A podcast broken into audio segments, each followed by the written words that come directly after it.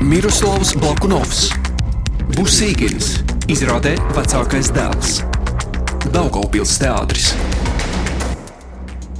Нет, не дай-то Бог так обманывать человека, который верит каждому твоему слову.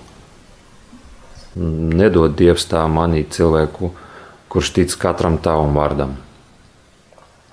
Manuprāt, šī frāze atspoguļo visu, kas iekšēji notiek ar Busīginu visā izrādes laikā. Un man, kā cilvēkam, kā Miroslavam, šī frāze liekas ļoti būtiska. Jo man liekas, meli nogalina kaut ko mums iekšā, kad mēs mēlojam, un uh, sagrauj cilvēkus, uh, kuri tic mēliem. Un Busigins saprot, ka tagad, kad viņš melo, viņš sagrauj sevi, bet viņš redz, kas var notiekt ar tiem cilvēkiem, kuriem viņš melo, kad viņi uzzinās patiesību. Kad uh, Sarafanovs tikko ieguvis dēlu, zaudēs viņu.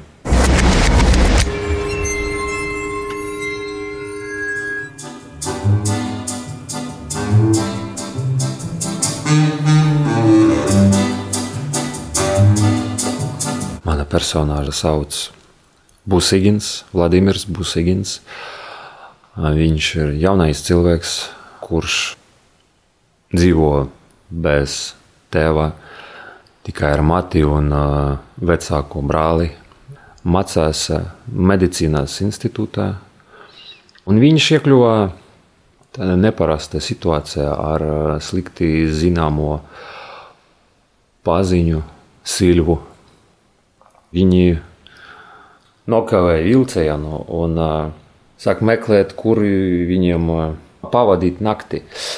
Un viņi kā joku izdomāja pavadīt nakti vienā no dzīvokļiem, kuru viņi ieraudzīja. Silvā pajokojas, ka Pusigins ir ārlaulības bērns dzīvokļa saimniekam Sarafanovam. Ar to arī viss sākās. Busiginam Sarafanams iepatikās ļoti, un viņam bija ļoti grūti melot, bet pēc kāda brīža pateikt patiesību kļuva vēl grūtāk, un viņš iegrimā melos dziļāk un dziļāk. Visu laiku ļoti pārdzīvo par to. Situāciju vēl vairāk sarežģīja, ka viņš iemīlējās Sarafanovā meitā, kurai tobrīd ir ligainis. Man, cik tūs būs Igins, ir man. Nu, protams, viņam ir daudz uh, lietu, kuras ir uh, tuvas man kā cilvēkam. Bet uh, ļoti atviegloja iedziļināties uh, personāžā. Tas ir uh, darba veids, kā mēs strādājam ar Edgars Maliņu pie šīs izrādes. Tā kā šī izrāde bija kā kursā darbs, mums bija ļoti ilgs galda periods. Mēs ļoti precīzi izrunājam, izpētījam katru, diezgan katru vārdu un atradām motivāciju katra burta. Ar tādu pieeju bija ļoti viegli saprast personāžu un, un satuvināties ar viņu. Darbs ne, nebija sarežģīts, viņš bija ļoti mierīgs, aizraujošs. Jo pirmo reizi mēs tik ilgi strādājām ar tekstu, neieejot uz skatuvi, nedomājam par dekorācijām, par mizanscēnām. Dažreiz mēs kaut ko improvizējam, bet uh, mēs neko nefiksējam. Katru reizi viss bija kā no jauna. Režisori, kuri atstāja iespaidu.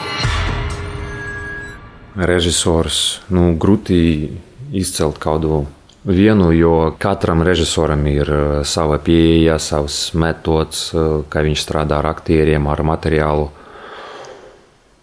Katrs prasa no tevis kaut ko savu, dažreiz kaut ko jauno, ko tu nesi darījis nekad.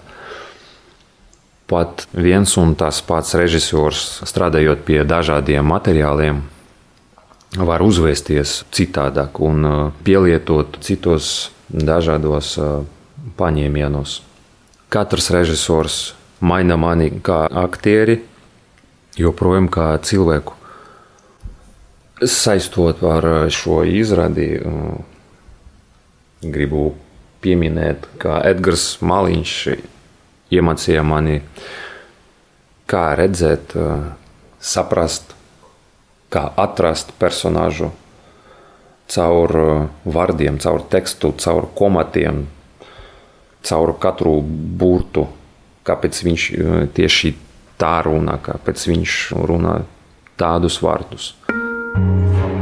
Lomas, kuras atstāja nospiedumu. Neskatoties, vai tas ir pirmā plānā, vai tas ir trešā, piektā plāna loma, katra, tāpat kā režisors, viņa viņa nes savu pieredzi, viņa dod iespēju paskatīties uz uh, pasauli, uz uh, cilvēkiem, uz problēmām no citas puses, no cita viedokļa. Man liekas, katrai nes kaut kādu maiņu, izmaiņu mani kā kā cilvēka. Man nav ne mīļākās lomas, ne, ne sapņu lomas. Varbūt man paveicās, un uh, visas pat maziņas lomas man ir ļoti interesantas. Pagaidām visgrūtākā man ir topošā loma. Tas ir Makbets, un viņi ir angļu valoda. Pagaidām ar šo es jūtu grūtības jo baidos salauzt Šekspīra valodu ar savu angļu valodu un uh, ar savu spēli. Es nesapņoju par kādu īpašu lomu, jo pati dzīve man tās piespēlē. Es ticu liktēnim. Viedoklis, kurā ieklausīties? Viedoklis, kurā es ieklausos, nu, pirmkārt, tas ir režisora viedoklis. Pēc tam sievas viedoklis, jo mūsu sajūtas ļoti bieži sakrīt. Es, protams, labprāt uzklausos arī citus viedokļus, bet uh, kurš var zināt labāk par to, kas man tur iekšā ir, nekā es pats. Tātad galvenais kritiķis esmu es pats. Miroslavs Balkunovs, Busīgins Izrādē vecākais dēls Daugaupils teātris.